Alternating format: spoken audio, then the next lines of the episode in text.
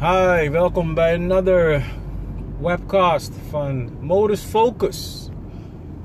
It's been a while, it's been a while. Ik ben de enige echte.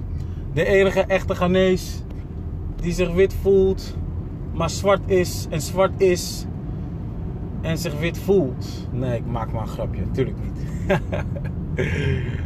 maar toch hoor ik het vaak om me heen, weet je. Ik hoor het vaak om me heen van de Mano. Je hebt zo'n uh, accentloze stem.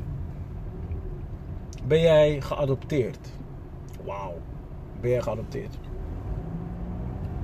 Alsof alle donkere mannen of mensen die accentloos praten automatisch behoren tot, een, een, uh, ja, tot de autochtone ouders. Wat een bullshit is natuurlijk. Ik heb gewoon twee ouders uit Ghana, zwarte ouders, die zelf uh, niet al te goed Nederlands spreken. Maar ons wel alle handvaten van het leven hebben gegeven. En die hebben we met beide handen vastgepakt. En als resultaat daarvan zijn we goed geïntegreerd blijkbaar. Maar, don't get it twisted. Ik geloof niet in, in, um, in uh, echte integratie. Want uh, integratie leidt automatisch tot segregatie. En dat is met name geïnitieerd door de meerderheid de meerderheid. Als je zo om je heen kijkt in Nederland, dan is Nederland een gesegregeerd land. Waarom is Nederland een gesegregeerd land? Kijk maar om je heen. Waar wonen? Waar woont met name de minderheid? Waar woont de mens van kleur? De mens van kleur in Nederland woont met name in de steden. In een van, doe, in een van de boerengehucht ga je een, een buitenlander niet tot nauwelijks zien. Begrijpen dat? Waarom niet? Omdat daar ten eerste weinig ja, baanmogelijkheden zijn, hè? werkgelegenheid. Dat is er nauwelijks. Behalve een boerenland, een plaatselijke bakker, slager en misschien een fabriekje hier. Maar de echte hè, professional services, eh, de banking, uh, alle uh, facilitaire diensten waar we met z'n allen heel erg uh, in, uh, in uh, representen zijn, die zijn er niet.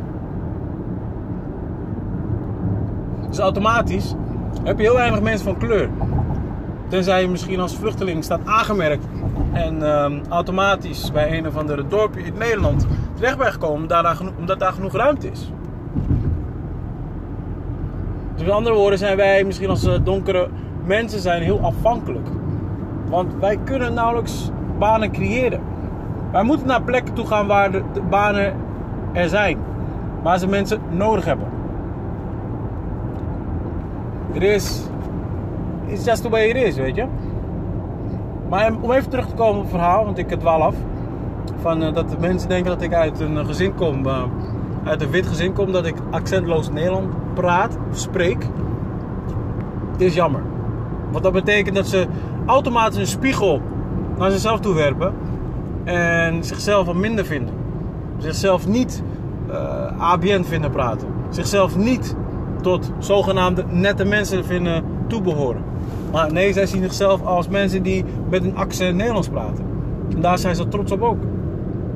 En voor diegene die daarvan afwijkt, ja, dat klopt niet. Nee, dat kan niet.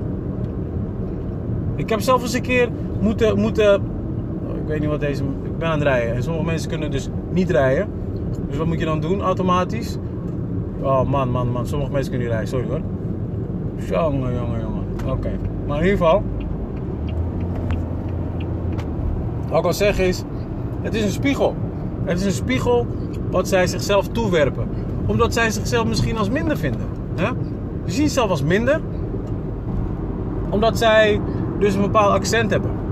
En daar zijn ze nog trots op ook op, hè? Ze zijn nog trots op ook. En als er iets is wat afwijkt van zogenaamd uh, de meerderheid, dan klopt iets niet. Ik uh, begin een beetje te geloven dat wij, we black people, zijn geloven wat, wat, wat met name de gevestigde orde over ons vindt. Wij zijn daarin gaan geloven. Want als jij 9 van de 10 mensen op straat vragen: hey, wat kenmerkt een donker man of wat kenmerkt een donkere vrouw, dan ga je het horen ook. We, komen in alle geuren en, en kleuren en alle maten, eh, van groot tot klein, van dun naar dik. Maar ondanks dat worden we elke dag weer gestereotypeerd. Dat stoort mij. Dat stoort mij mateloos. En weet je, we worden zelf gestereotypeerd door de mensen die op ons lijken. Dus gewoon onderling worden gestereotypeerd. Dat, dat is al helemaal. Dat vind ik helemaal pijnlijk. Kijk, ik begrijp ook wel dat wij, en met wij bedoel ik mijn generatiegenoten, echte verandering niet zozeer gaan zien. Of niet gaan meemaken. Maar misschien de kinderen van onze kinderen wel. Waarin stereotypering zo achterhaald is. Dat het ieder gewoon wordt gezien als een ieder. Als, een, als, een, als zijn eigen avatar die hij zelf gecreëerd heeft. En niet zozeer hij in een hokje te plaatsen is. Uiteraard zullen we natuurlijk met, met uh, hele grote technologische vooruitgang te maken hebben. Vooruitgang of achteruitgang. Het is maar hoe je het bekijkt en aan welke kant van je medaille je staat. Maar ik geloof dat wij over een paar jaar, of een paar jaar, of tientallen jaren, dat, dat, dat generatie die volgen, zijn eigen identiteit gaan vinden. Een identiteit wat misschien niet zozeer strookt met hoe men jou ziet, als donker man of als donkere vrouw, maar puur identiteit die jij zelf hebt ontwikkeld voor jezelf. Hm? Hoor je dat? Voor jezelf. En niet voor anderen om er maar bij te horen. Uiteraard zijn we kuddedieren die altijd een sense of belonging moet hebben. Maar ik denk dat we ook een steeds sterkere vorm van independence gaan krijgen. Over wat voor identiteit wij ons aannemen in deze maatschappij. In een maatschappij waar we ons bevinden, waar we naartoe gaan. Hm? Waar we naartoe gaan. Dat is gelijk de brug die ik wil maken. Want vandaag ehm, zag ik het volgende. Er is dus een campagne gaande.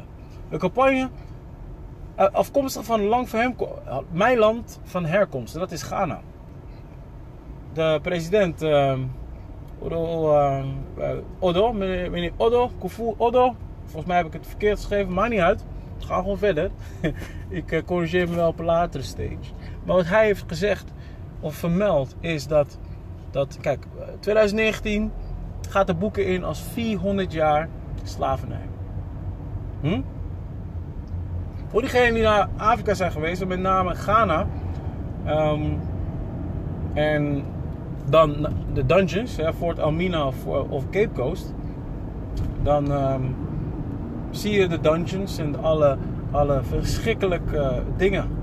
Wat er tot, tot uh, slaafgemaakte mensen moesten doormaken voordat ze dus naar een nieuwe wereld werden verscheept. En voordat je zeg maar, de laatste stappen zet. De laatste stappen van Afrika naar Ghana of naar, naar de nieuwe wereld, staat daar weer gegeven: the point of no return. Dus dat betekent dat de slaven, de slaafgemaakte mensen die naar een nieuwe wereld zouden gaan, nooit en te Afrika meer zouden zien. Dat klopt ook voor een merendeel van de Afro-Amerikanen in, uh, in, in, in Amerika. Die hebben Afrika of Ghana of waar ze eigenlijk dan echt vandaan komen, nog nooit gezien.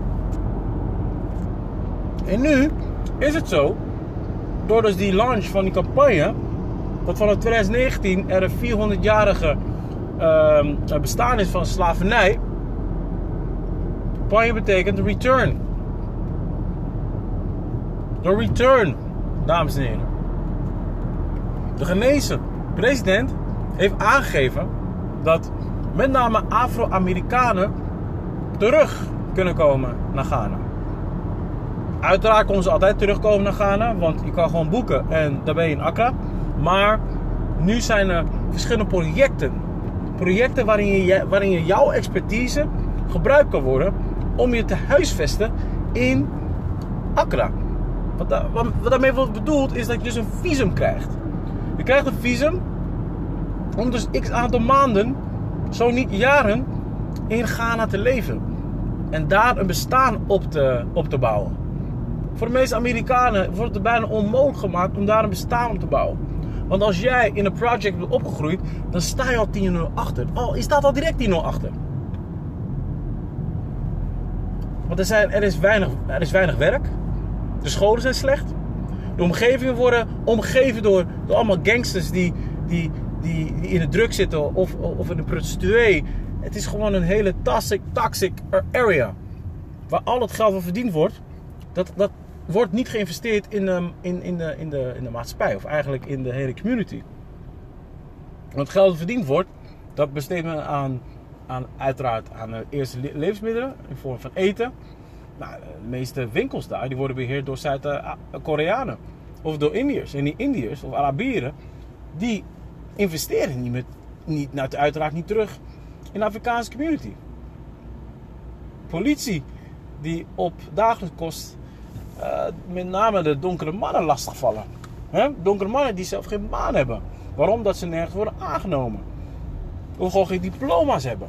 Omdat ze dus afkomstig zijn van een hele slechte school. Het is een visieuze cirkel waar de Afro-Amerikanen nu mee uh, worstelen. En, en, weet je, Amerika lijkt in dat geval wel de land of the free. En de land met alle mogelijkheden. Maar ja, de mogelijkheden zijn nooit geschreven voor een zwarte man. De founding fathers hebben dit niet ontwikkeld voor een zwarte man. Het enige wat ze hebben is de 13th Amendment. Maar ja, wat kan je ermee? Wat kan je ermee? Zoals Kanye al zei, we should abolish the 13th Amendment. En daarin ons wezen, of onze maatschappij, of onze community als, als geheel niet doorbeduren op een slavernij, maar opnieuw te beginnen. Uiteraard moet je het verleden nooit vergeten. Maar het heden moet je maken. En de toekomst moet je helemaal creëren. Dus het nieuws wat vanuit Ghana afkomstig was. Hè, over dat Afro-Amerikanen terug kunnen keren naar Ghana om daar visum aan te vragen en daar een nieuw bestaan op te, op te bouwen, is real. It's real. Mensen, het is real. En ik denk, hè, maar dat is mijn gedachtegang, ik denk dat dat een soort van um, indirecte uppercut is naar Amerika toe.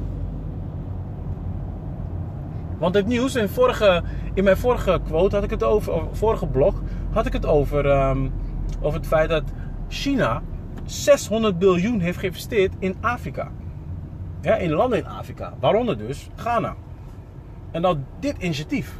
Ik vraag me af waar het vandaan komt. Kijk, op, techno op technologie, een vriend van mij is bijvoorbeeld uh, pas geleden in China geweest. Oude of een uh, ploegenoot van me. En die vertelde mij wat, wat ze allemaal daar deden. En dat China veel verder is dan Europa en Amerika op gebied van technologie.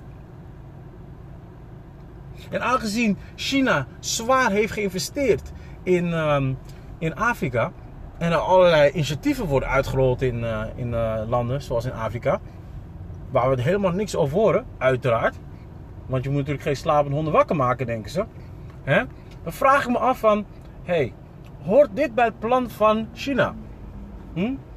Dat straks de Afro-Amerikanen zich zeg maar afkeren tegen Amerika itself. Want laat wel wezen, kijk het naar de afgelopen jaren. Wat hebben ze daar allemaal bereikt? Het enige wat ze daar bereikt hebben is een, hè, een handjevol donkere Amerikanen een platform geven, multimiljonair maken. Sommigen zijn zelfs biljonairs. Maar met name op het entertainment vlak. Dat ze daar heel veel Afro-Amerikanen hebben gebruikt om de Amerikaanse droom te laten zien. Dat het mogelijk is. Maar ja, als je kijkt naar de achterkant, hè, en dat is een, een, een, een podcast wat ik pas geleden heb gehoord van Boyd Watkins. Hè, kijk het naar het aantal. Um, hoe zal ik dat zeggen?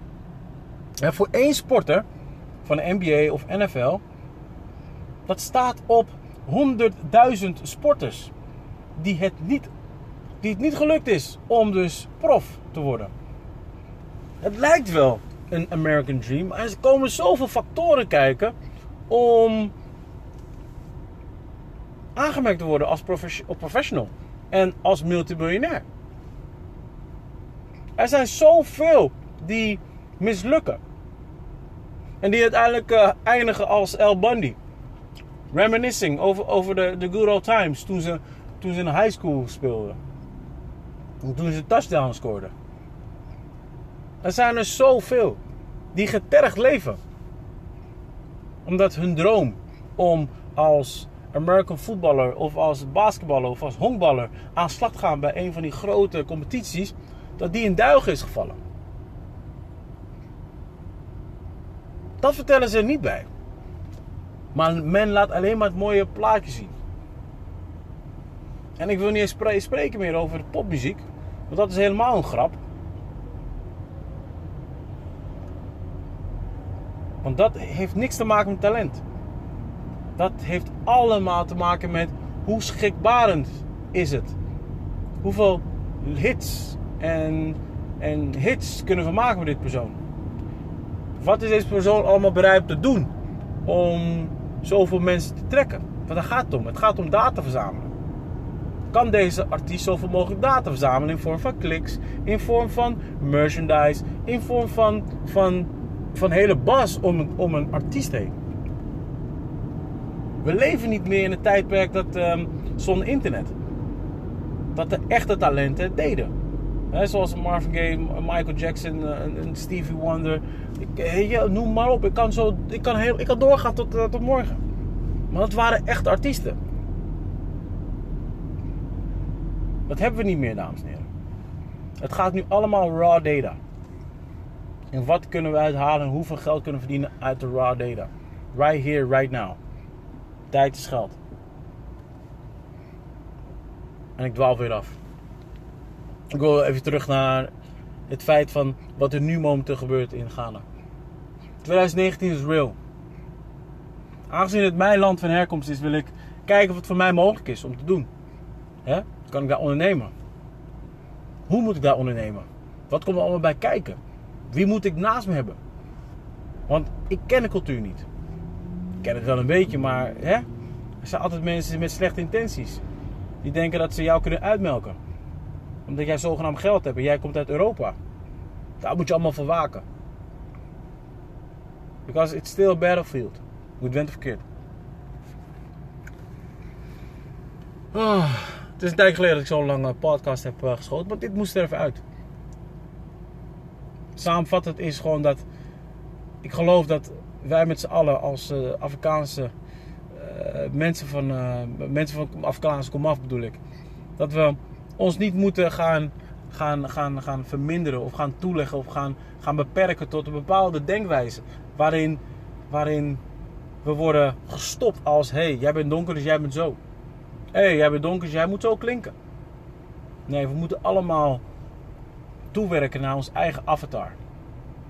Naar onze eigen persoonlijkheid. Uiteraard wel in een hele grote noemer uh, waarin, waarin je past. En dat is het zijn van een donkere man en een donkere vrouw. Met alle kleuren van de regenboog daarin. Want we, nogmaals, ik hoef niet te klinken zoals de meerderheid mij uh, wilt horen klinken. Begrijp wat ik bedoel? Dan juist, dan juist ben je een makkelijke target. Als men al weet hoe je denkt, als men al weet waar je van houdt, en als men al weet hoe ze jou moeten benaderen om jouw aandacht te krijgen. En newsflash, dat weten ze nu al. En wat ik ook even wil, wil gaan samenvatten is het feit dat het mogelijk is om nu blijkbaar in Ghana zaken te doen. Want die visum ga je krijgen. It's a return to home kind of campaign. Het is een, een legendarische campagne. Waarin ik denk dat achter de schermen China daarmee te maken heeft om, om de technologische uh, vooruitgang, of eigenlijk technologische vooruitgang, om daar in te lopen op Amerika. En hoe kan je dat doen? Dat kan je doen door labor. Uiteraard wel no free labor. Het is, het bijna reverse, races, uh, reverse um, slave, um, slavery. Met reverse slavery bedoel ik dat men terugkomt. En dat men terugkomt met een vergane vergane kennis in eh, het land van herkomst. En het land van herkomst helemaal gaan opbouwen. Waarin de next Babylon, bij wijze van spreken, in Ghana is. Zou het zijn. Daarom zei ik al, van wij gaan dit niet meer meemaken. De kinderen van onze kinderen misschien ook niet, maar misschien wel de kinderen van onze kinderen van onze kinderen. Aan ons om een goede, een goede startpunt te creëren. Hè? Een basis te creëren. Zodat een imperium als resultaat uh, kan worden aangemerkt. Nogmaals, modus focus. It's been real. Ciao!